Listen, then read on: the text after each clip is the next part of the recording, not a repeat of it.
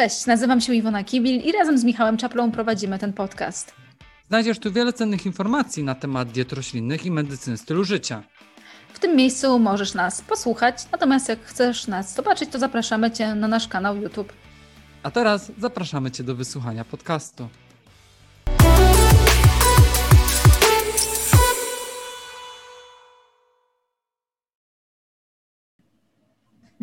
Witajcie ponownie i dzisiaj ponownie gościmy doktora Romana Pawlaka. E, doktor Roman jest wykładowcą na East Caroline University jest także autorem licznych wykładów i publikacji na temat witaminy B12, a także książki y, Witamina B12. I o tej książce też na koniec będziemy mówić. E, doktor Roman jest także dla mnie taką kopalnią wiedzy na temat witaminy B12. Zawsze mogę się o coś zapytać. Doktor Roman zawsze jest na czasie z publikacjami na temat witaminy B12 i badaniami, także tak jak mówię, jest kopalnią wiedzy. E, no i właśnie, doktorze Romanie, skąd wzięło się u Ciebie zainteresowanie witaminą B12? No, witam Państwa po raz kolejny. Dziękuję za takie, taką przyjem, takie przyjemne przedstawienie mnie. Natomiast jeśli chodzi o moje zainteresowanie witaminą B12, to no, troszeczkę tak przypadkiem zainteresowałem się. Mianowicie e, uczestniczyłem w takim takiej konferencji. To nie była konferencja naukowa, nawet to nie była konferencja poświęcona odżywianiu. To była konferencja Kościoła Adwentystów Dnia Siódmego na Florydzie w Orlando. I ja jako członek Kościoła Adwentystów Dnia Siódmego uczestniczyłem w tej konferencji, a adwentyści skądinąd wiadomo zainteresowani są różnymi e, kwestiami zdrowia Wielu z nich są również wegetarianami. I spotkałem na tej konferencji edytora e, takiej publikacji e, Kościoła Adwentystów Dnia Siódmego, która między innymi zawierała artykuły na temat zdrowia i również odżywiania. I tak po, e, tam rozmawialiśmy sporo z, tym, z tą osobą i on mnie poprosił, czy ja mógłbym napisać artykuł na temat witaminy B12. Chyba już nie pamiętam treści tej, tej dyskusji, może coś tam mm, mówiliśmy o B12, chociaż ja w tym czasie tak naprawdę nie interesowałem się tak bardzo witaminą B12. I tak sobie pomyślałem, no mam inne rzeczy do do robienia, ale jak mnie poprosił, no to dobrze, no, no zgodziłem się, że, że e, napiszę ten artykuł. I tak zacząłem i dostałem nie, niedługi okres czasu na to, żeby ten artykuł napisać i wszedłem do literatury, do, do PubMed czy Medline nie? i zacząłem szukać tam różnych artykułów i czytałem i, i to kondensowałem tak w moim artykule i im więcej czytałem na ten temat, czym tym bardziej te artykuły przekonywały mnie, że moja w tamtym czasie bardzo powierzchowna wiedza na temat tej witaminy, y, no wiele z tego, co wiedziałem, okazało się być takim mitem, nie? Nie, nie było to kwestią um, prawdziwą. I no, napisałem ten artykuł, tam kilka tygodni to mi zajęło i pomyślałem, ok, ja muszę trochę więcej tutaj poszperać w tej literaturze i, i, i tego. Ja w tamtym czasie zajmowałem się takimi badaniami na temat tak zwanego, jak powiedzieć to, um, behavior research, nie? czyli taki, takie badania odnośnie dlaczego na przykład ludzie jedzą to, co jedzą, albo dlaczego nie jedzą to, co tego nie jedzą. Nie? Takie, e, zachowań żywieniowych. E, jak, jak to jeszcze raz? I badań zachowań żywieniowych. Zachowań żywieniowych, dokładnie. Nie? Także zupełnie inna działka. I praktycznie ja to odłożyłem zupełnie na bok i no, takim na, na 100% na full etat zacząłem badać tę, te kwestie witaminy B12 i każdą chwilę praktycznie zacząłem czytać i, i, i tego. Przeczytałem, nie wiem, ileś tam kilkaset, podejrzewam, e, tych manuskryptów w przeciągu jakiegoś tam okresu czasu.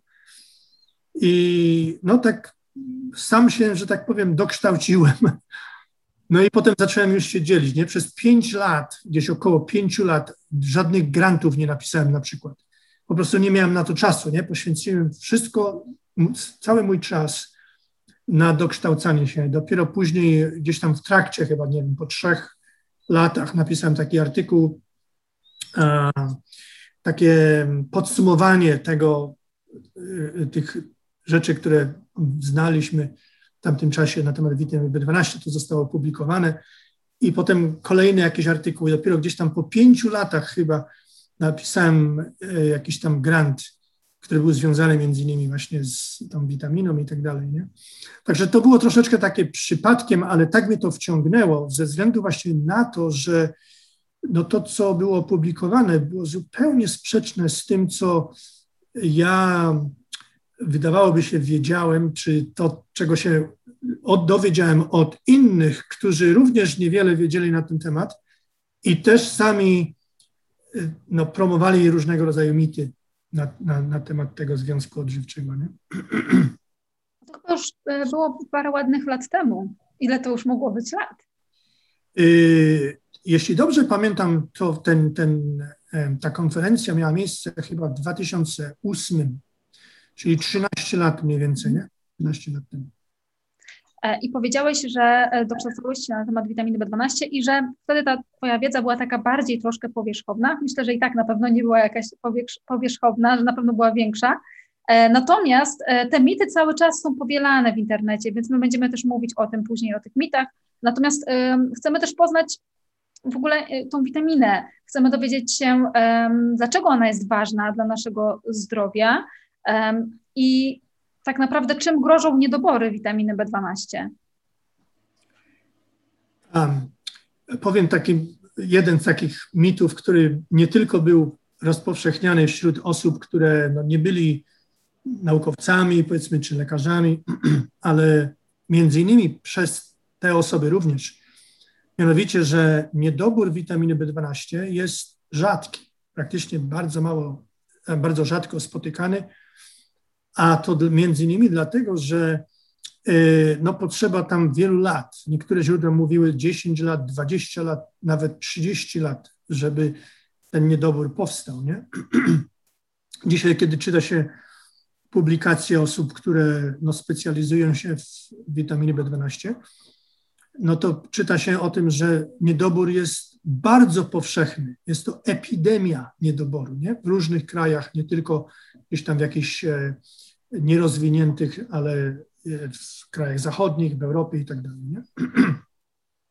Natomiast jakie są objawy? No, przeróżne objawy są. E, one są tak e, dzielone na takie grupy, czyli na przykład hematologiczne objawy, czyli mm, klasycznym takim symptomem niedoboru, witamin, niedoboru witaminy B12 jest powiększony e, rozmiar czerwonych e, ciałek krwi. Nie? Mhm. Ale co ciekawe, bo to też jest taki w jakimś sensie taki mit, że tylko te czerwione, czerwone e, komórki krwi będą, czy ten niedobór będzie się manifestował. Niedobór manifestuje się poprzez wszystkie, o wszystkiego rodzaju komórki y, krwi, czyli i poprzez, y, jak się mówi, platelets. Y, płytki krwi? Jak? Płytki krwi? Płytki, przez płytki krwi i przez RDW, taki wskaźnik zróżnicowania się tak. Mhm. Czyli, czyli w przypadku czerwonych krwinek, to one się powiększają, nie? Rozmiar ich się powiększa.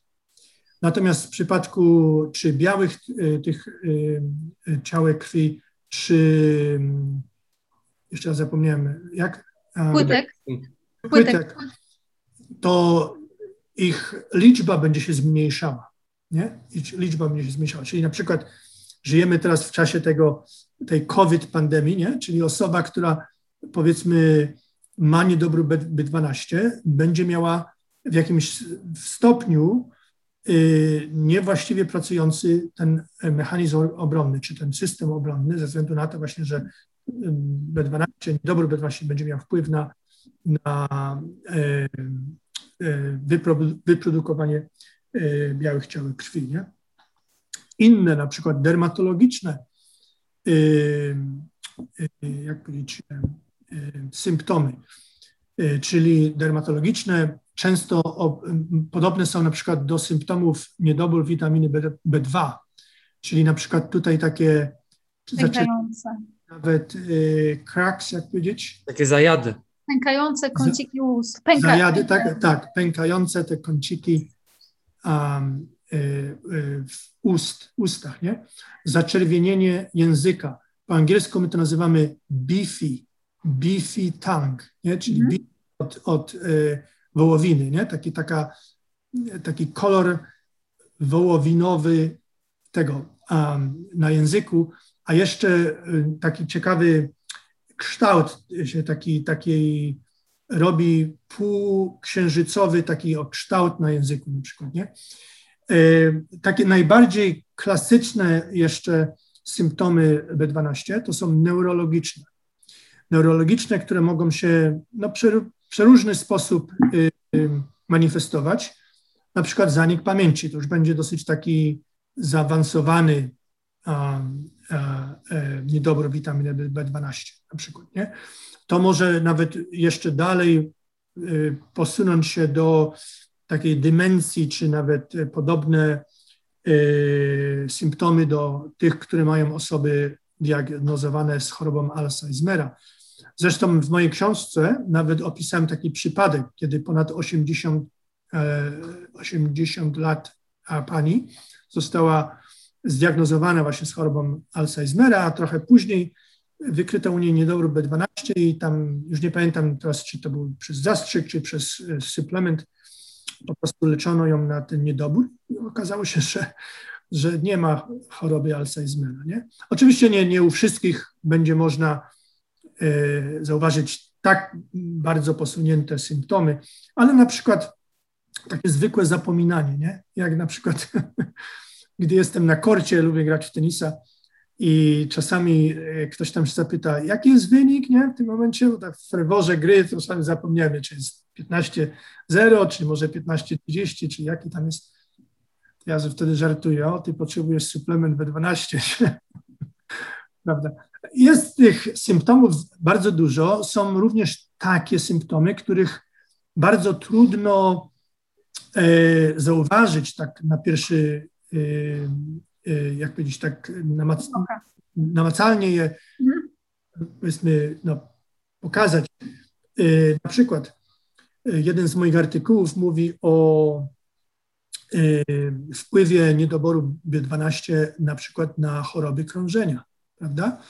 Czy zmiany miażdżycowe, takie czy miażdżycopodobne w, w, tym, w, w arteriach, w żyłach szczególnie jeśli chodzi o wylew, podwyższenie ryzyka wylewu na przykład. Z moich artykułów mówi o wpływie B12, poziomu B12 o, na złamanie kości na przykład. Nie? Czyli są takie, które no, nie, nie jesteśmy w stanie, że tak powiem, zobaczyć tego. Nie? Inny jeszcze taki podobny, atrofia mózgu, prawda? to się manifestuje gdzieś tam, nie wiem, 10, 20, 30 lat może później, jeżeli ten niedobór jest utrzymany przez okres, długi okres czasu, a jedynie mo możemy wykryć no, niewłaściwy poziom, jeżeli pójdziemy i mamy zrobione badanie. Nie? Niestety rutynowo badania na witaminę B12 nie są prowadzone, dlatego w tym przypadku osoby, które są wśród grup dużego ryzyka, o których chyba powiemy za moment.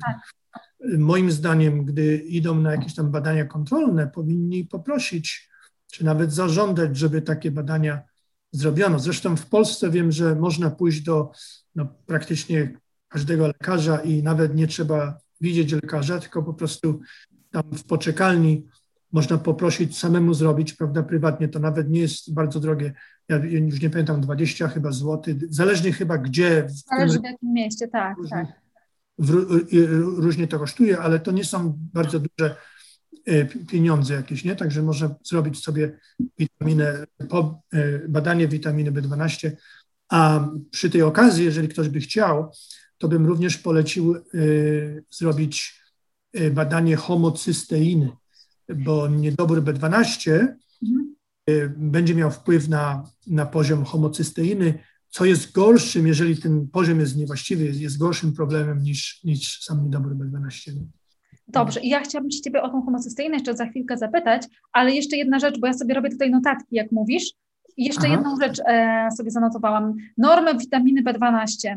E, nie wiem, czy w Stanach one też są takie szerokie. W Polsce są bardzo szerokie, od tak mniej więcej 190 do 900, 800. Mi się osobiście e, zdarza spotykać e, w zasadzie to ciągle pacjentów, którzy mają poziom w normie, ale mają już takie symptomy niedoboru, parestezję, zaburzenia koncentracji, ospałość, jakieś zmęczenie, tego typu rzeczy.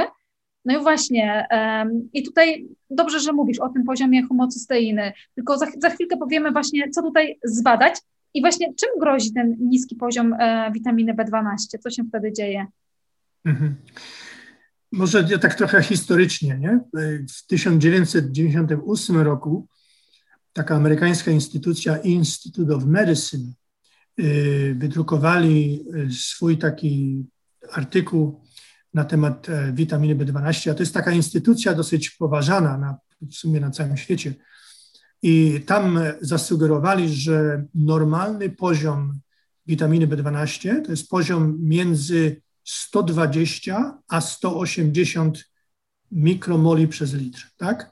I to było takie tło do tego, że poziom niższy niż 148, czasami w niektórych, niektórych e, artykułach jest to zaokrąglane do, do 150, nie? niższy do 148 czy do 140, 150 jest poziomem niewłaściwym. I to jest taki, taki pogląd, też taki mit trochę, który był e, rozpowszechniany przez no, ponad dwie dekady. Nie? Dzisiaj wiemy z różnych, z różnych publikacji, że poziom znacznie wyższy powinien być uważany za właściwy poziom. Pomimo tego, że wiele osób, których y, poziom będzie na przykład no przykładowo 200, prawda, czy 220, czy 250, nigdy nie będzie miało hematologicznych symptomów, czyli te osoby pójdą do lekarza przykładowo i zbadają sobie witaminę B12 i ze względu na ten przedział, który w Polsce uważany jest za właściwy, czyli tam 190 do tam 600 ileś. Tak, bo my mamy jeszcze te inne jednostki, bo są dwa rodzaje jednostek i właśnie te milimole są, ale bardziej, e, chyba częściej stosowane są te pikogramy na mililitr. Dlatego ja powiedziałam o 190 do, do mniej więcej 900, że trochę mhm. inne te jednostki są, dlatego ten tak. Tak, są ale to różne jest... jednostki. Mhm. Mhm. Ja powiedziałam chyba mikromoli, to był e, tak. pikomoli, nie? o, okej. Okay. Przez litr, nie? E, ale są też miligramy przez e, mililitr, tak? Mili, miligram przez, mi, e, przez mililitr, te, ta inna jednostka. Niezależnie od tej, ja bym nawet zapomniał, jeśli chodzi o, o osoby takie zwykłe, to pacjentów, to bym zapomniał o jednostce. Ja, ja za chwilę dojdę do tego, co moim zdaniem powinno być uważane za, jaki poziom powinien być uważany za, za taki no, dobry poziom. Nie? Ale yy, co? Te osoby pójdą do lekarza, tak, zbadają sobie poziom witaminy B12, no i lekarz to zinterpretuje, że wszystko jest dobrze. Dlaczego? Dlatego, że poziom jest 200, czy tam 220, czy 250, a więc w normie, czyli w tym od 190 do tam ileś, nie?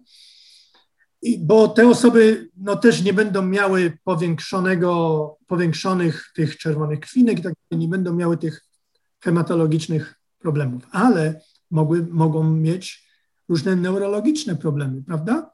Również będą mogły mieć jakieś powikłania, te, o którym wspomniałem wcześniej, że y, no, trudno je zbadać, prawda? Trudno je, tak jak atrofia mózgu, prawda? Nawet myślę teraz o konkretnym takim badaniu, w którym y, porównano dwie grupy osób. Y, ta druga grupa z niższym poziomem witaminy B12, ale w normie miała już zaawansowaną atrofię mózgu w porównaniu do tej grupy, której e, poziom B12 był tam powyżej 400, czyli miały troszeczkę wyższy ten poziom i tak dalej. Nie?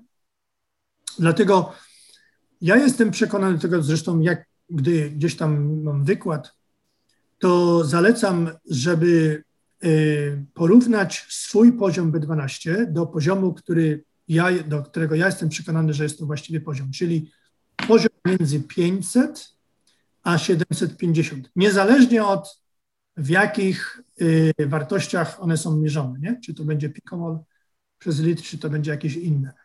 To jest taki poziom, który moim zdaniem jest właściwy w sensie tym, że y, obniży homocysteinę do takiego poziomu, jakiego chcielibyśmy mieć.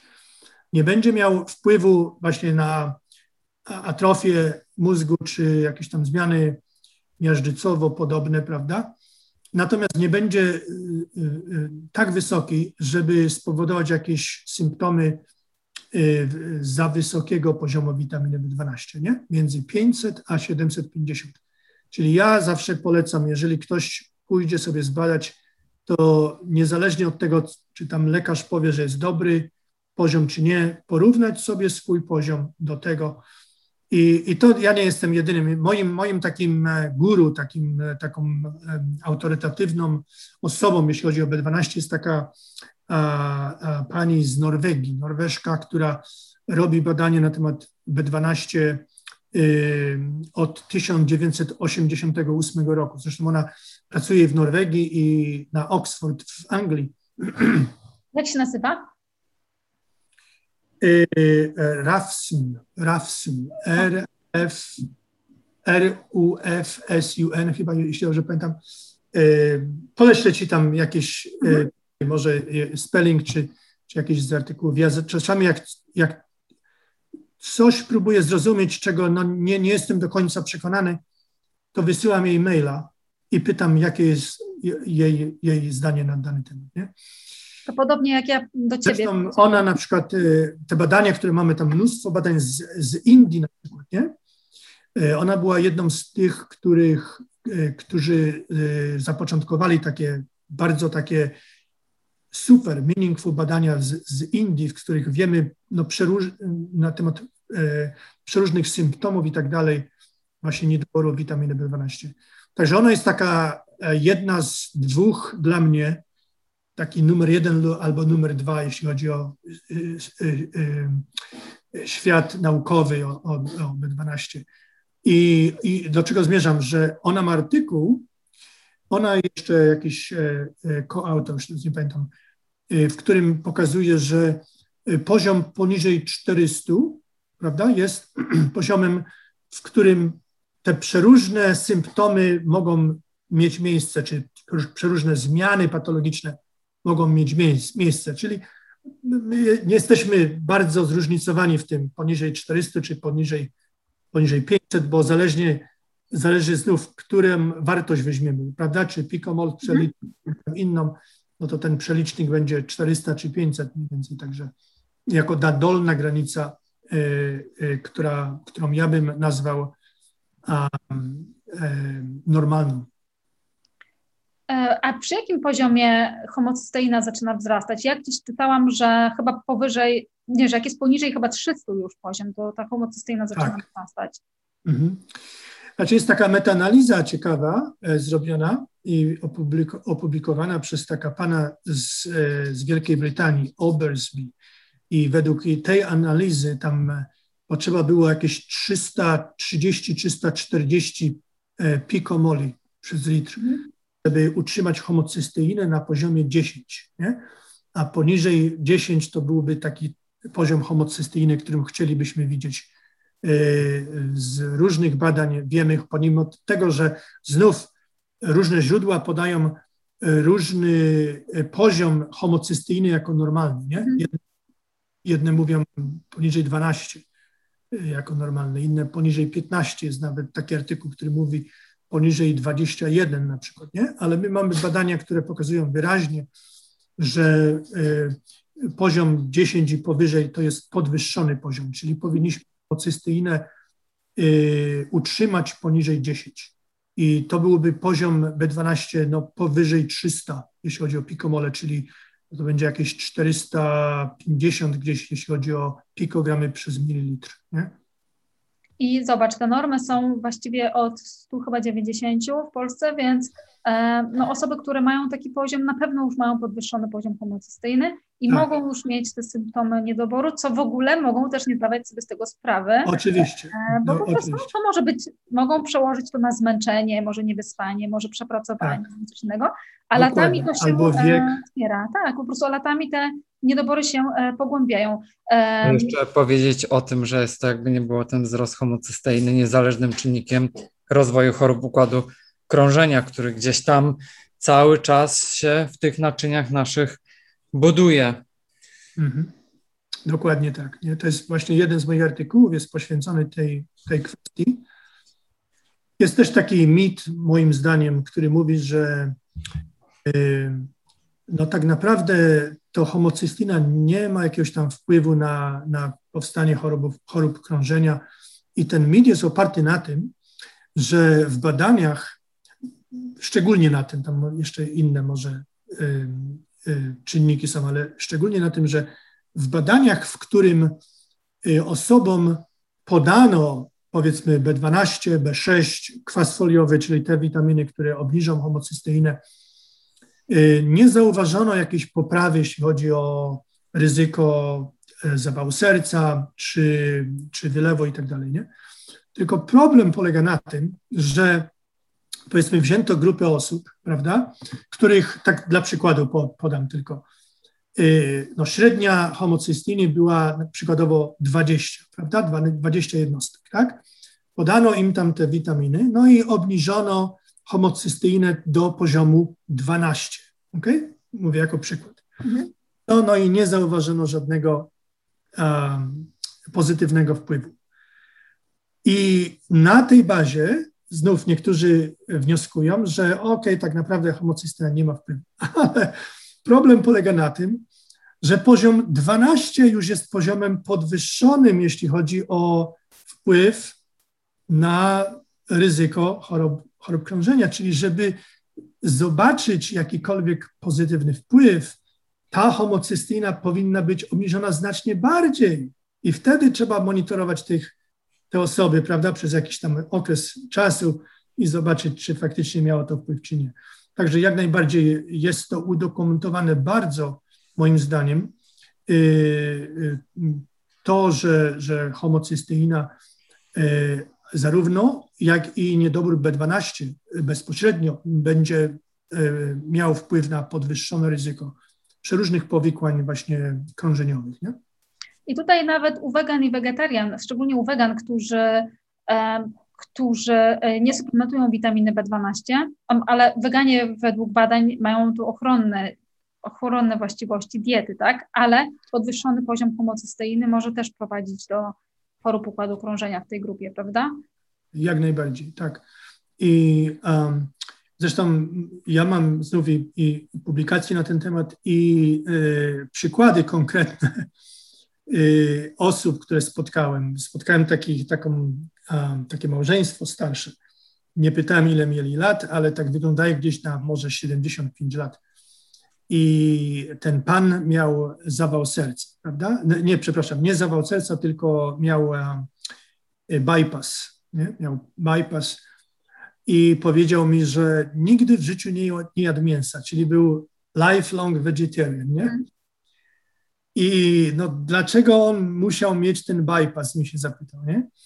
I to było, pamiętam jak dzisiaj, to było um, w marcu 2013 roku. To było w Charlotte, w North Carolina, w Stanach Zjednoczonych. A e, we wrześniu tego samego roku byłem w tym samym miejscu w Charlotte, znów z taką serią wykładów. I podszedł do mnie taki pan, który wyglądał na trochę może ponad 60 lat i powiedział mi, że tam trzy miesiące temu, jeśli dobrze pamiętam, miał wylew. Mówi, jak to, jak to jest, że ja miałem wylew, jestem wegetarianinem od ponad 30 lat, nie? I ja pamiętam, że gdy przyjechałem do domu, to było w niedzielę wieczorem, po tym weekendzie spędzonym w Charlotte, to zacząłem właśnie wtedy pisać ten artykuł, który mam teraz opublikowany na temat wpływu właśnie witaminy B12 i homocysteiny jako ryzyka chorób krążenia, szczególny właśnie nacisk na, na wegetarian, vegan. Także weganie, ciekawe, mają najlepsze te wszystkie czynniki, tradycyjne czynniki ryzyka chorób krążenia, czyli na przykład mają najniższy cholesterol, prawda? Mają najniższy poziom glukozy we krwi, prawda? Nie są otyli, mają najlepszy BMI i tak dalej, i tak dalej. Moglibyśmy you know, wymieniać tych, te różne czynniki wymienić, prawda? A pomimo tego, gdy popatrzymy na przykład Adventist Health Study 2, prawda? Czyli to badanie 95 tysięcy E, wyznawców Kościoła Adwentystów Dnia Siódmego ze Stanów Zjednoczonych czy z północnej Ameryki. E, weganie e, mieli, nie mieli najniższego ryzyka choroby krążenia, czy specyficznie ischemic heart disease, to jest niedokrwistość, tak? Niedokrwistość serca. Tak. Um, Pesko-wegetarianie mieli najniższe ryzyko, a weganie E, teraz nie pamiętam, to było u kobiet chyba, tak? U kobiet mieli, miały, miały wyższe ryzyko niż nie wegetarianie, weganie. Jak to wyjaśnić, nie? A jednym mhm. z właśnie jest poziom B12 i poziom homocysteiny. No właśnie, i przejdźmy do tego tematu, które grupy są zagrożone najbardziej niedoborem witaminy B12. Kto tak naprawdę powinien suplementować tę witaminę? No bo tak jak już wcześniej powiedzieliśmy, weganie na pewno. To powiesz też za chwilkę dlaczego i jakie są wyniki badań. E, no ale mhm. też inne grupy, to, to powiedz. Tak, tak. Może ja, ja pokażę w tym momencie e, książkę, o której chyba wspomnieliśmy już. Tak. Moja książka na temat witaminy B12 i tutaj na dole wyszczególnionych jest kilka grup. Ja w angielskiej formie mam chyba około 25 różnych grup y, wymienionych grup osób, które y, według badań mają wyższe ryzyko niedoboru witaminy B12, czyli do nich należą między innymi wegetarianie. Może ja powiem w ten sposób, że niedobór może powstać a, z kilku powodów. Jednym z nich jest niedostateczne spożycie. I to jest kwestia y, wegetarian, a szczególnie wegan. No bo jeżeli jesteśmy weganami, no to spożywamy tylko produkty roślinne, a te nie zawierają witaminy B12, prawda?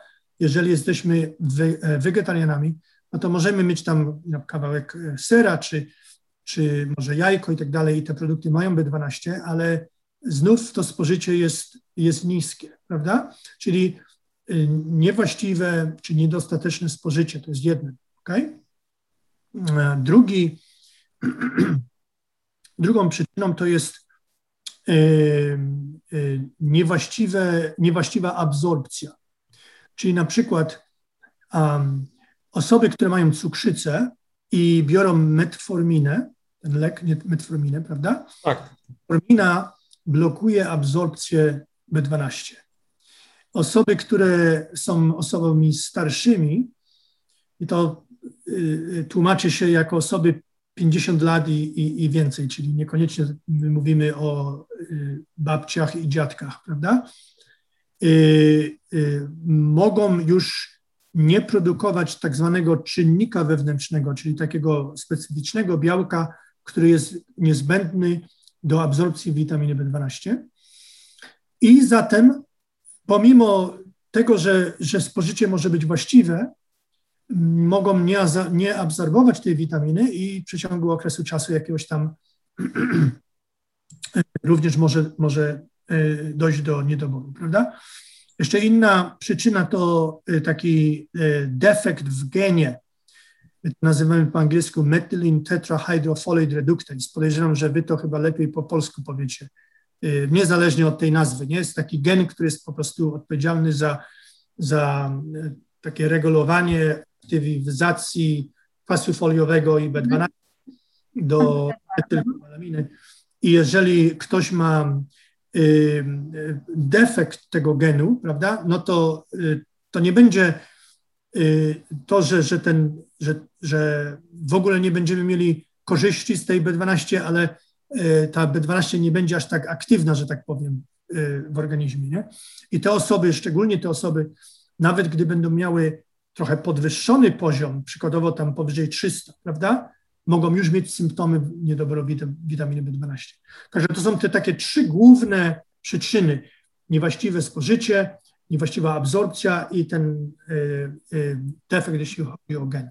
Czyli tak, weganie, wegetarianie, y, osoby na przykład w Indii, jednym z problemów jest nie tylko to, że ponad 400 milionów osób mają to, to wegetarianie, ale również to, że oni bardzo długo gotują swoje potrawy i jeżeli nawet tam miałaby być jakaś tam B12, czy ileś tej B12 w pokarmie, w przypadku osób na przykład, które nie są wegetarianami, no to B12 jest taka podatna dosyć na temperaturę, nie? czyli on, ta temperatura, te długie, długie gotowanie może spowodować to, że, yy, że no, niewiele tej witaminy B12 zostanie, prawda? Wspomnieliśmy osoby starsze, prawda?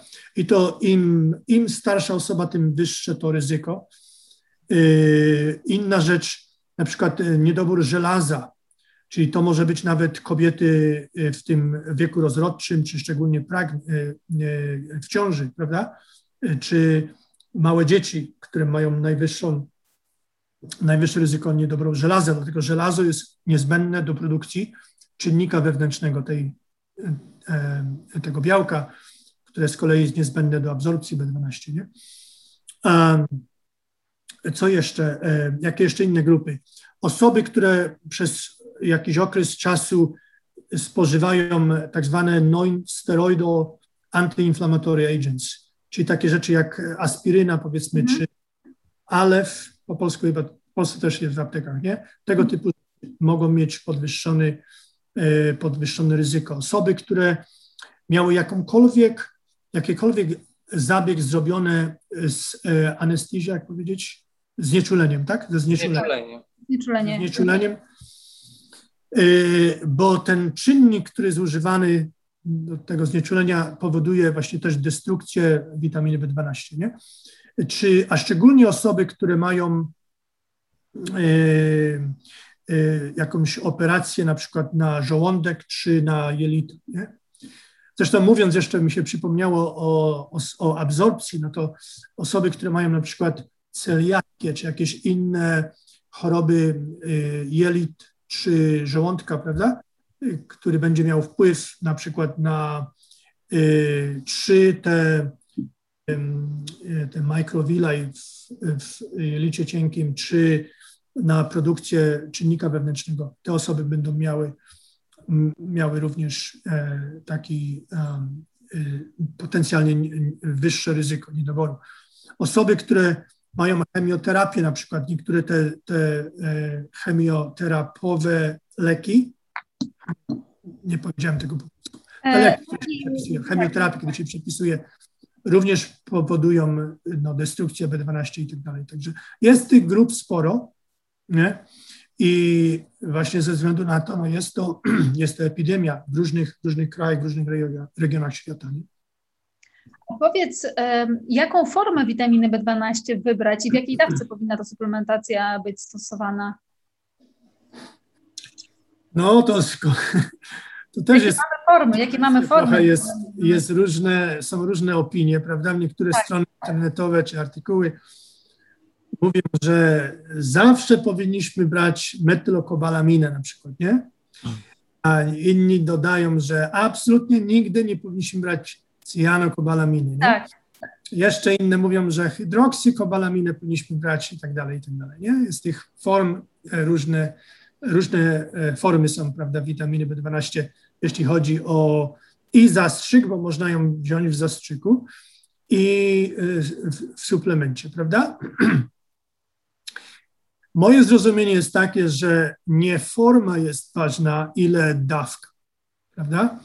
Czyli no, może być metyl, metylkobalamina, chociaż moim zdaniem metylkobalamina jest taka najmniej e, stabilna.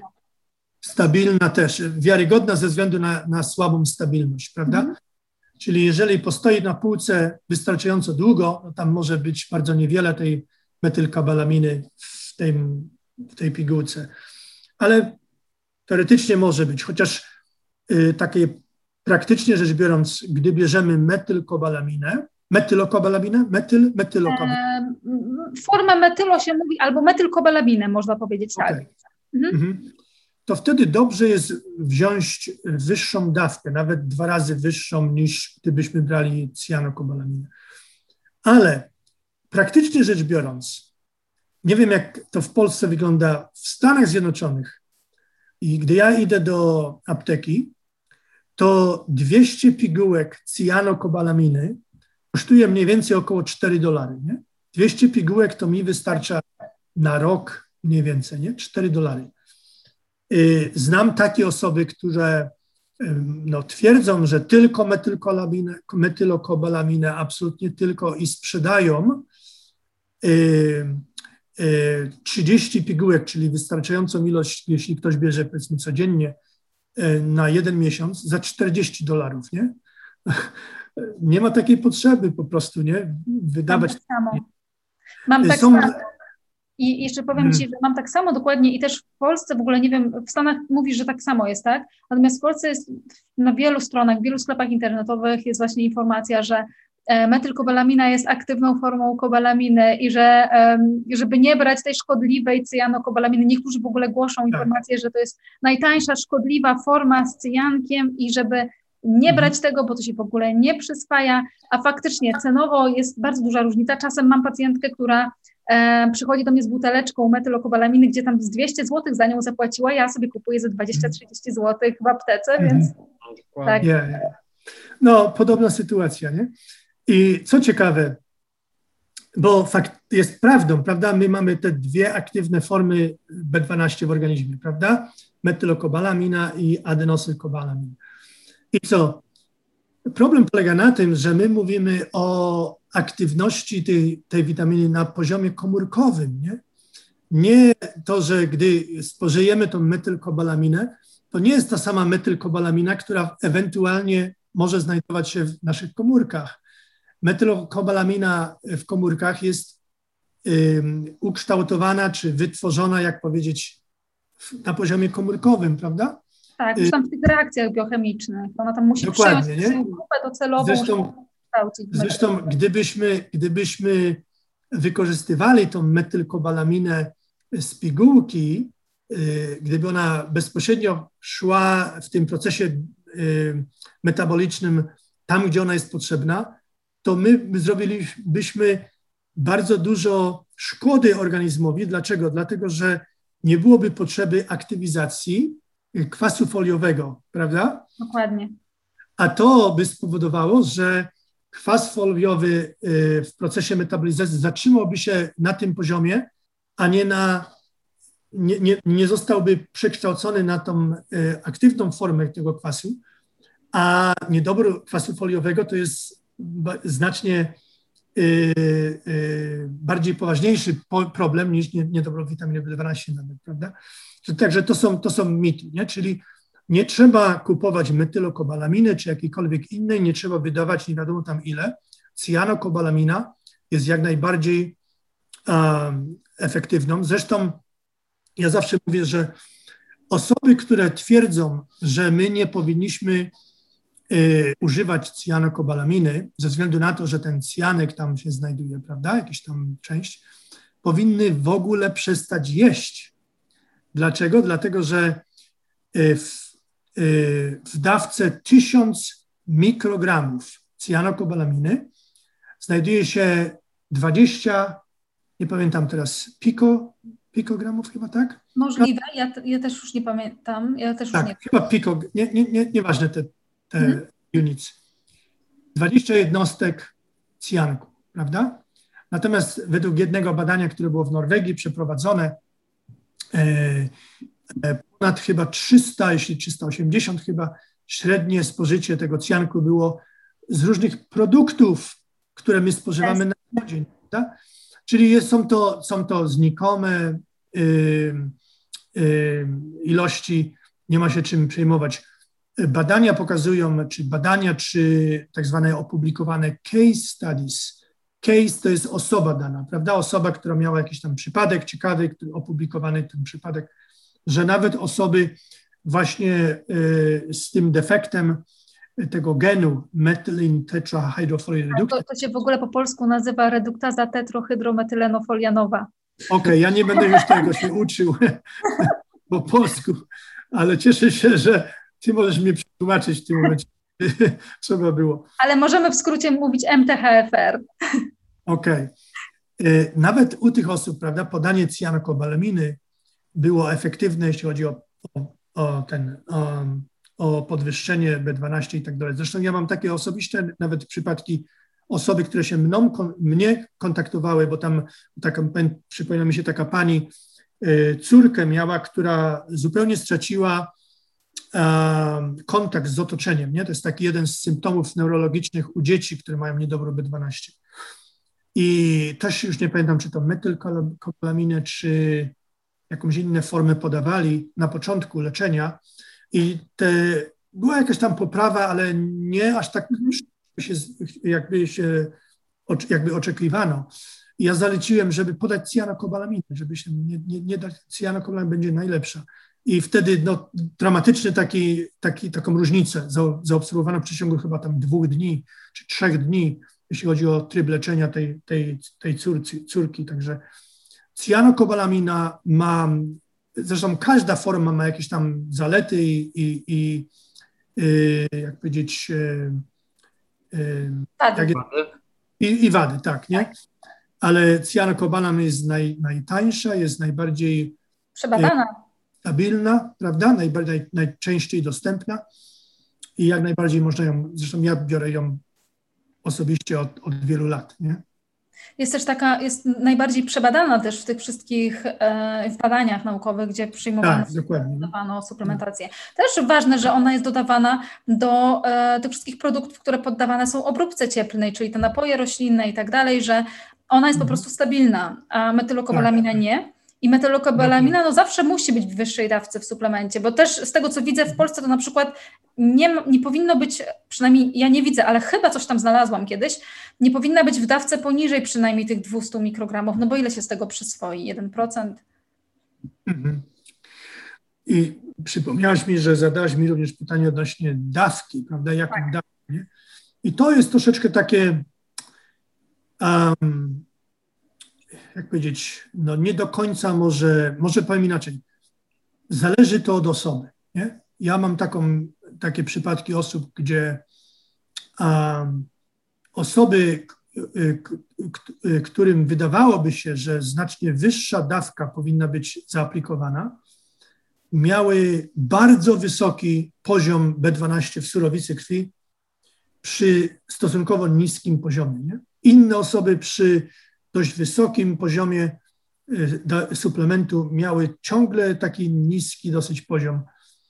Y, dlatego to najlepiej, ja, ja powiem taką regułę, którą ja zawsze polecam, ale najlepiej jest po jakimś tam okresie spożywania y, suplementu później sobie zbadać poziom witaminy B12 i wtedy skorygować na bazie tego poziomu, o którym ja wspomniałem wcześniej, żeby było między 500 a 750. Jeżeli będziemy przykładowo brali 250 mikrogramów cyjanokobalaminu, prawda? I no, dwa miesiące później, czy, czy tam no, nawet pół roku później zbadamy i wychodzi, że mamy 2000 e, w surowicy krwi, wiadomo, że jest to zdecydowanie za duży poziom, prawda? Wtedy albo obniżyć dawkę, albo może brać tylko raz na trzy dni, prawda, ten suplement. Ja mam taką regułę, że um, jeżeli mówimy o osobach powiedzmy po 75 roku życia, czy nawet może po 70 roku życia, to może dawka nawet i 500 mikrogramów być odpowiednią ze względu na to, że gdy się starzejemy, no wszystko jest troszeczkę wolniejsze, prawda? My nie, nie absorbujemy aż tak e, związków odżywczych i tak dalej, tak jak to było kiedyś. Gdy mówimy o osobach powyżej 50 roku życia, to może dawka 250 mikrogramów byłaby wystarczająca. I to niekoniecznie nawet codziennie, prawda? Ja y, teraz biorę 500 mikrogramów i biorę to co drugi dzień, a czasami y, biorę to kiedy, gdy, gdy, gdy gram w tenisa, to mi przypomina, czyli na przykład w niedzielę gram i w poniedziałek, no to wezmę ich w niedzielę i w poniedziałek, a potem dopiero gram w środę, nie? Potem dopiero w piątek przykładowo, nie? To tak, o, będę, dzisiaj mam tenis, wieczorem, no to, czy po południu zwykle o trzeciej, no to rano biorę, nie?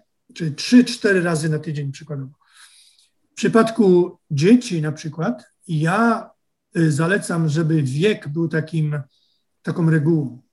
Czyli jeżeli mówimy o dzieciach, które mają tam mniej niż 5 lat, jeżeli podamy 5 mikrogramów, to będzie, sądzę, zdecydowanie wystarczająco. Nawet może i mniej będzie, może wystarczyć, ale 5 mikrogramów to nie będzie moim zdaniem za dużo. Gdy mówimy o dzieciach, które mają tam 10 lat czy do 10 lat, gdy podamy może nawet i 5 wystarczy, a gdy podamy 10 na pewno będzie to wystarczająco jeśli chodzi o nastolatków, no to, to zależy. No, niektóre nastolatki mogą być, mogą być uważane już za osoby dorosłe, prawda? Bo już przeszły przez ten okres, y, y, jak powiedzieć, dorastania. Tego wzrostu i tak mhm. dalej. Także to, to różnie może być, nie? Ale mówię, są takie, na przykład, są takie badania, którym pokazano, że spore dawki B12 podawane kobietom w ciąży no nie podwyższyły tego poziomu aż bardzo dużo. Inne pokazują, że 10 mikrogramów wystarczyło, żeby podwyższyć do jakiegoś tam określonego poziomu. Czyli także to jest troszeczkę tak, może to też zależy od tej stabilności witaminy B12, może po prostu zależy to od, nie wiem, naszego organizmu. Każdy powinien tutaj e, trochę tak eksperymentować, bym powiedział, nie? I mówię, zbadać sobie i wtedy albo się skonsultować, albo samemu tak na chłopski rozum, jak to myśmy kiedyś mówili w języku polskim, prawda? Zdecydować o może częściej albo rzadziej, albo wyższą, albo niższą dawkę brać, nie? Ja w ciąży zawsze jednak tą wyższą dawkę polecam, nawet na wszelki wypadek, gdyby się okazało, że e, kobieta w ciąży nie może sobie zbadać, albo zapomni, albo coś tam innego się zadzieje, nie będzie miała przy sobie i tak dalej, to z reguły jednak tą wyższą dawkę polecam, bo też widuję e, małych pacjentów z niskim poziomem później witaminy B12. Na przykład później podczas karmienia jeszcze ten poziom, z tego co ja widzę u swoich pacjentów, się cały czas obniża. A powiedz mi, bo, bo ludzie się boją tych podwyższonych dawek, podwyższonych stężeń e, w surowicy witaminy B12. Czy są w mhm. ogóle jakieś badania, które by wskazywały na jakieś negatywne skutki zdrowotne? Ja, może za chwilę jeszcze dopowiem tylko, że moim zdaniem jest to dobra taka praktyka podawać e, troszkę wyższe dawki dla kobietom, kobietom w ciąży, dlatego że tu nie tylko chodzi o samą kobietę, ale również i właśnie płód, nie? A płód powinien tam nagromadzić troszeczkę tej B12 y, i w czasie już porodu powinien być określony poziom. Jeżeli tego poziomu nie ma, jeżeli potem e, kobieta przykładowo karmi piersią i ma sama niedobór, niedobór to może powstać, mogą powstać e, symptomy i szczególnie te neurologiczne mogą mieć jak my mówimy po angielsku, long-term consequences, nie? czyli takie, takie długoterminowe takie powikłania długoterminowe, prawda? Przypadków jest mnóstwo, ja opisałem trochę w mojej książce tych, e, tych przypadków i to i u vegan, wegetarian i nie tylko, nie? I, i u innych osób. Przypomnij mi teraz to. Tak, ja, wiesz co, bo jeszcze przyszła mi jedna rzecz do głowy. Um, o, jeżeli chodzi o małe dzieci, o niemowlęta, bo nie mamy też mhm. takich standardów, e, kiedy suplementować witaminę B12 u niemowląt. Wiesz, ja mam bardzo dużo pacjentów e, niemowląt, prowadzę tak dużo tych i mam też taką grupę na Facebooku e, Wege Ciąża i z tego, co ja zauważam wśród swoich pacjentów przez lata, to tak mniej więcej w ósmym, od 8 do 10 miesiąca życia dziecka trzeba wprowadzić już tą suplementację B12, bo z reguły w, tym, w tych miesiącach, jak jest zbadany poziom, a mama, mimo że suplementowała, może zapominała, może w niższej dawce, to i tak dziecko już ma taką, wiesz, dolną granicę e, niedoboru witaminy B12. Czy ty się też z tym spotykałeś? Tak, i niedobory y, u dzieci, nawet u dzieci, które y, urodziły się u matek, które miały niedobór same osobiście, rzadko są, spo, y, są e, e, spotykane u niemowląt, które mają poniżej 3 miesięcy, czy nawet poniżej 4 miesięcy. Niedobory czy symptomy widać po tym okresie czasu, gdzieś tam 6 miesięcy, 8 miesięcy, bardzo rzadko właśnie 8 miesięcy i dalej. Bo mówię, nawet jeżeli matka jest, ma sama niedobór, to ciekawe jest, że na przykład w pępowinie poziom B12 jest dwa razy wyższy niż w surowicy u matek. Mhm.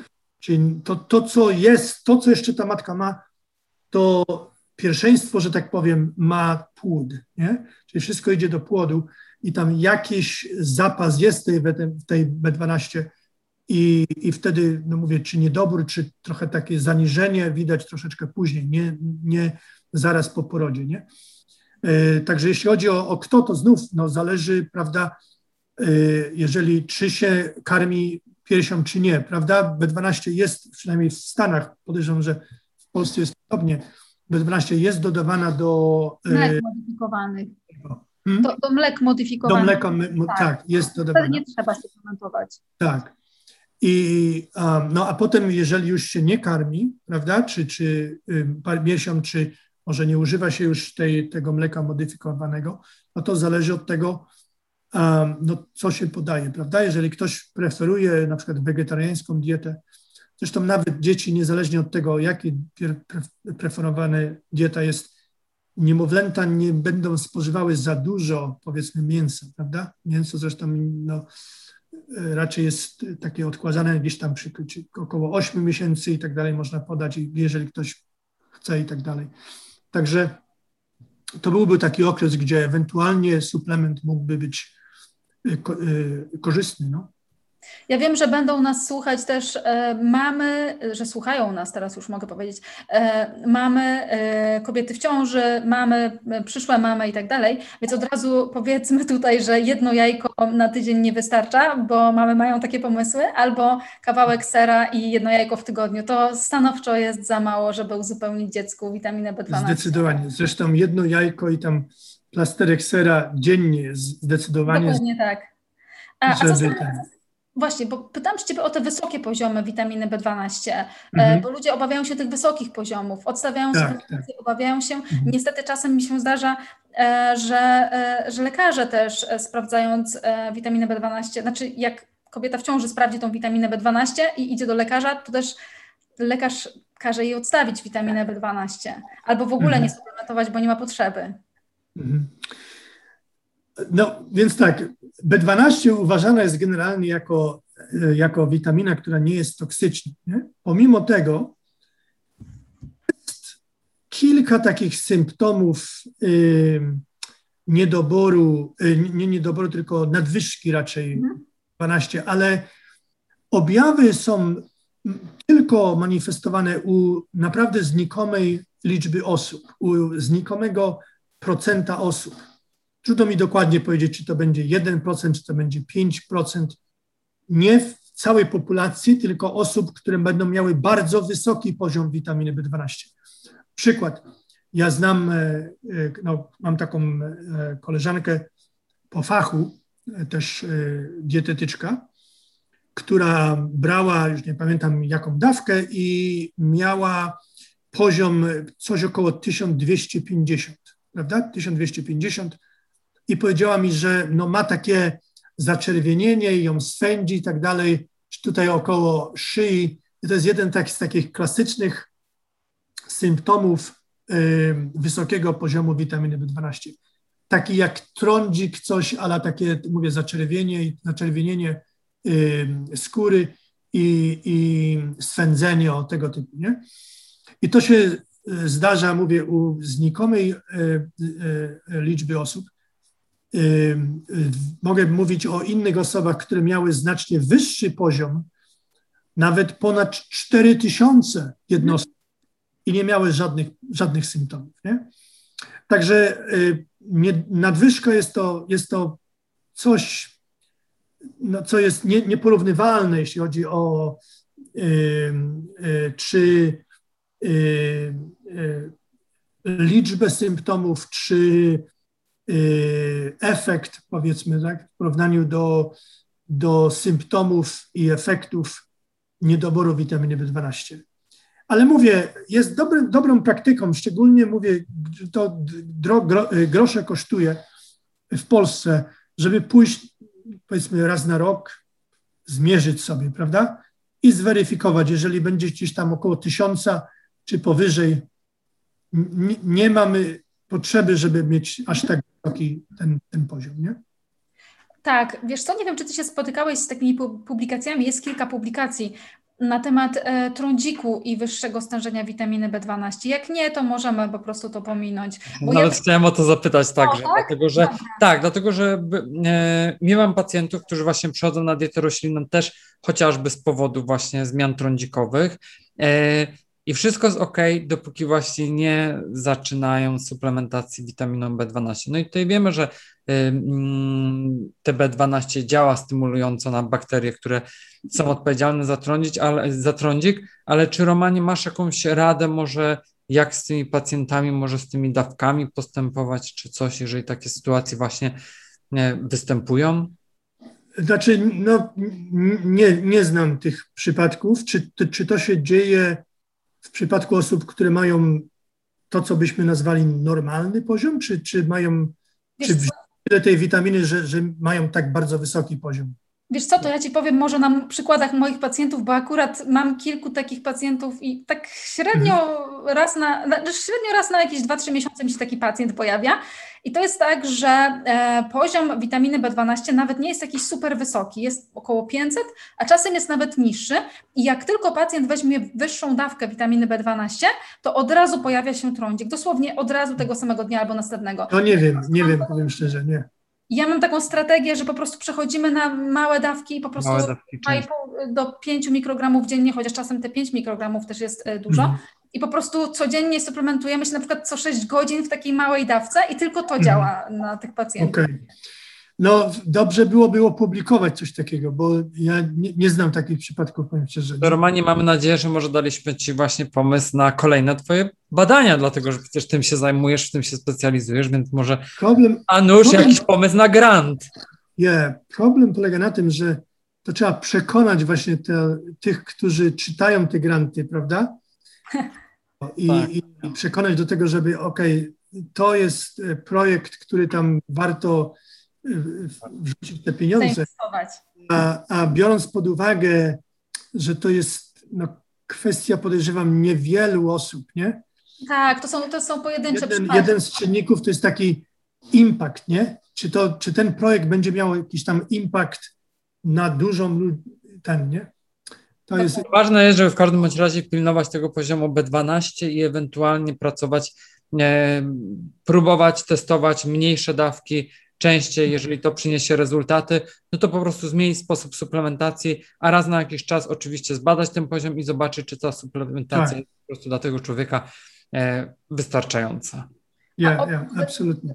Oprócz B12 jeszcze, e, my powiedzieliśmy o poziomie homocysteiny, ale dobrze by było, żebyśmy jeszcze powtórzyli, jakie badania dobrze jest wykonać, żeby e, mieć pewność, że my mamy dobry albo nieprawidłowy poziom witaminy B12, no bo sam ten poziom w surowicy to, to może być za mało dla niektórych osób, prawda? Tak, więc no dobrze byłoby, żeby, żeby zbadać i poziom w surowicy na przykład i homocysteinę, nie? I żeby porównać, um, czy wziąć oba te badania y, jako podstawę do diagnozy, czy mój poziom jest właściwy, czy, czy może nie jest właściwy. Y, generalnie zaleca się, żeby um, dwa różne czynniki badać, chociaż um, są inne, na przykład jest taki, takie badanie poziomu kwasu metylmalonowego, prawda? Nie wiem, na ile to jest rozpowszechnione w Polsce. Podejrzewam, że surowicy i homocystyny... Jest, jest w niektórych laboratoriach, ale wiesz, to jest bardzo drogie tak. badanie. Ja z reguły mhm. nie polecam. Jest to dość drogie badanie. Tak, tak. I chyba niepotrzebne raczej. Nie jeżeli mamy surowicę i homocysteinę, to podejrzewam, wystarczy. To, żeby nie brać e, samego wyniku pomiaru czerwonych ciałek krwi, czyli to jest na, na wyniku to jest MCV. MCV, tak? To jest Mean Corpuscular Volume, to jest z angielskiego. Tego nie, nie należy brać y, jako jedynego czynnika bo wiele osób, które ma normalny to MCV, może mieć już niedobór, prawda? Czyli najlepiej z tych dostępnych zrobić sobie poziom surowicy i homocysteiny. Ostatnie pytania. Zanim się zapytam Ciebie o jeszcze o mity, jakie najczęściej słyszałeś, to jeszcze zapytam się Ciebie o nowotwory, dlatego że jakiś czas temu e, pojawiła się publikacja z suplementacją witaminy B12 i chyba to było u mężczyzn. Suplementacja witaminy B12 była związana z, z nowotworami. I później też cały internet szalał z tą publikacją i w Polsce no, dużo osób ją przytacza. Czy kojarzysz tą publikację? A już nie pamiętam, którą, bo to jest, nie, nie jest tylko jedna, jest, jest, jest ich kilka przynajmniej.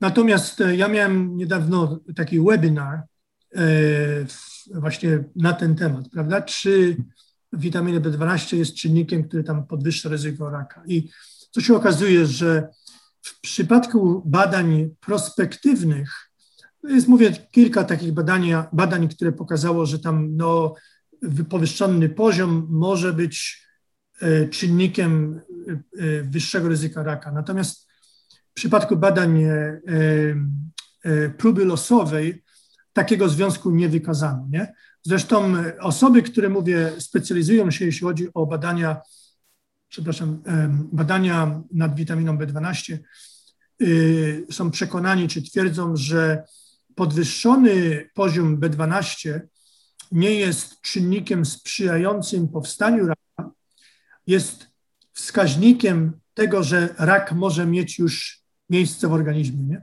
Czyli w przypadku niektórych rodzajów raka y, następuje stymulacja y, wątroby i wątroba w tym momencie produku, produkuje więcej takiego nośnika witaminy B12, po angielsku my to nazywamy haptokorin, jak to jest po polsku? Haptokorin, haptokoryna, haptokorin. Okej, okay, ja.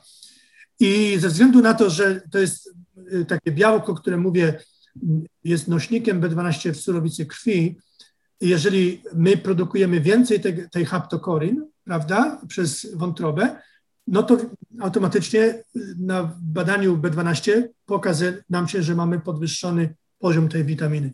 Ale to jest skutek tego, że coś, że tak powiem, rakowego dzieje się w organizmie, a nie to, że ta witamina, czy ten podwyższony poziom witaminy B12 teraz wpływa na powstanie raka w organizmie. Nie? Dobra. ja okay. pokażę Wam jeszcze. Je... O, nie mogę, e, bo chciałem share screen e, mojego. E, to, to możesz, tylko chwileczkę. O, nie, nie mam. Od... Myślałem, że mam to otwarty ten plik, to... ale nie mam. Aha, dobra, bo mogę zrobić cię co-hostem i jak, jak chcesz pokazać. To czekaj, to otworzę. A, tu mam go.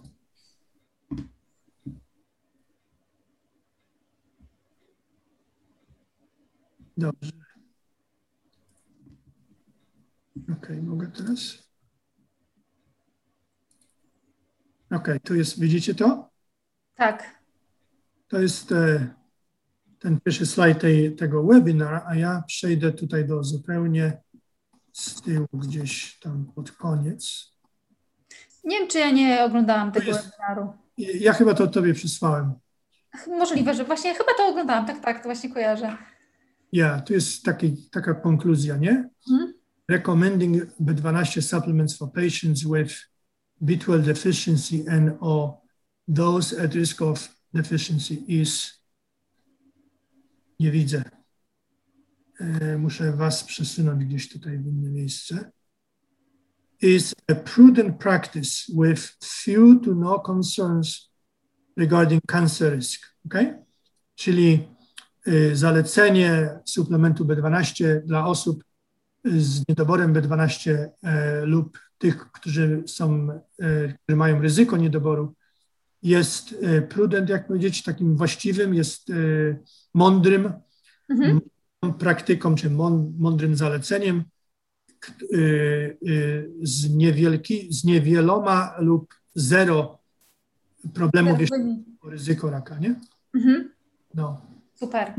Dziękujemy bardzo. Jeszcze zapytamy się Ciebie na koniec, czy są jakieś takie najdziwniejsze rzeczy, najdziwniejsze mity, które słyszałeś w swojej karierze na temat witaminy B12? Yy, już moment. Znaczy, no jest ich sporo. Są takie mity, które mówią na przykład, że marchewka, brokuły. Że powinno się jeść brudne. I tam wiele innych różnych pro, tych produktów yy, zawierają B12, prawda? Jest to, jest to zdecydowanie nieprawda. Są inne, które mówią na przykład, że wystarczy nie, yy, nie tam przez godzinę czy tam jakiś tam okres czasu, prawda, po spożyciu posiłku i te bakterie tutaj w jamie ustnej wyprodukują tyle B12, ile nam jest potrzeba. Nie? To są wszystko takie no, śmieszne mity, ale niestety to są takie mity, które no, wpłynęły na, na, na wielu ludzi, prawda? Wielu ludzi, którzy yy, no, nie musieli mieć tego niedoboru, prawda? A niektórzy z nich mieli przeróżne yy, problemy, prawda? Jeśli chodzi o um, efekt niedoboru, prawda? Jest tego, mówię, cała masa. Um, warto czasami zaciągnąć języka u dietetyka i uwierzyć to, co dietet, dietetyk czy lekarz, którzy się na tym znają po prostu, prawda? Przekazują, a niekoniecznie tam e, nikt nie jest specjalistą w jakimś tam zakresie czy w danym temacie po przeczytaniu tam dwóch książek czy dwóch stron internetowych. A dzisiaj w y, tej dobie informacji czy misinformation, prawda? Wielu by chciało być takimi właśnie i przekazują niestety właśnie te, te, te mity. No. Także. Dziękujemy bardzo za tą cenną pigułkę wiedzy. Doktorze Romanie, jeszcze, jeszcze powiedz nam, jeszcze pokaż nam ostatni raz swoją książkę, bo to jest książka też, e, która wyszła, jest wydanie polskie. Więc tak, jest, można ją, jest po polsku. Nie? Tak, można ją e, wpisać po prostu w Google, znaleźć w internecie. I, e, tak, wystarczy wpisać moje nazwisko i tytuł. Tak, bar- ja czytałam, e, bardzo polecam. Niewielka książeczka e, i łatwo się czyta. I szczególnie polecam ją też dietetykom i specjalistom zdrowia, bo to jest też taka bardzo praktyczna książka. Zawsze można tam znaleźć odpowiedzi na pytania. I jeszcze zapraszamy Ciebie, znaczy zapraszamy jeszcze na stronę doktora Romana, co z tą stroną się dzieje? Za ile ona będzie tak mniej więcej? Ja mam nadzieję, że już w tym tygodniu, a jeżeli nie, to na początku przyszłego tygodnia strona będzie aktywna. Także um, no, na tej stronie powinno być. Zresztą ja będę na bieżąco tam uaktywniał, nie? czy dodawał różne informacje. Tak, tam będą i E, linki do różnych artykułów i to będzie i po angielsku, i po, po polsku, bo ja mieszkam w Stanach, więc tutaj znam ludzi, którzy również szukają informacji, ale i po polsku, i wykłady również i po angielsku, i po polsku, także um, i będą różne pytania, tam będzie, to jest, taki, jest taka strona frequently asked questions, mhm. to będą pytania, które ja zadaję i będzie moja odpowiedź. Ja zadaję na bazie spotkań z ludźmi, nie? Ja robię różne wykłady w różnych miejscach, ludzie zadają pytanie, jeżeli tam się pytania powtarzają, no to wtedy ja wrzucam takie pytanie na moją stronę, nie? I, i, i wtedy odpowiadam na to pytanie. Także no, wkrótce. To jak już ona tam chyba w następnym tygodniu będzie, to akurat wtedy też ten podcast e, się ukaże, to podlinkujemy od razu stronę, e, dodamy do opisu. No My dziękujemy fajnie. bardzo. Dziękujemy. dziękujemy. No, ja również. No. Tak. Zapraszamy również na naszego bloga vegetarian.com. Tam cały czas działa też hasło podcast w sklepie. I zapraszamy na wszystkie inne e, podcasty, do wszystkich innych podcastów, które też były na iTunes, na Spotify i na YouTube, które są umieszczone. I też ostatni podcast o e, zdrowiach, zdrowiu kości e, też był nagrywany właśnie z doktorem Romanem. Hey, bye everyone.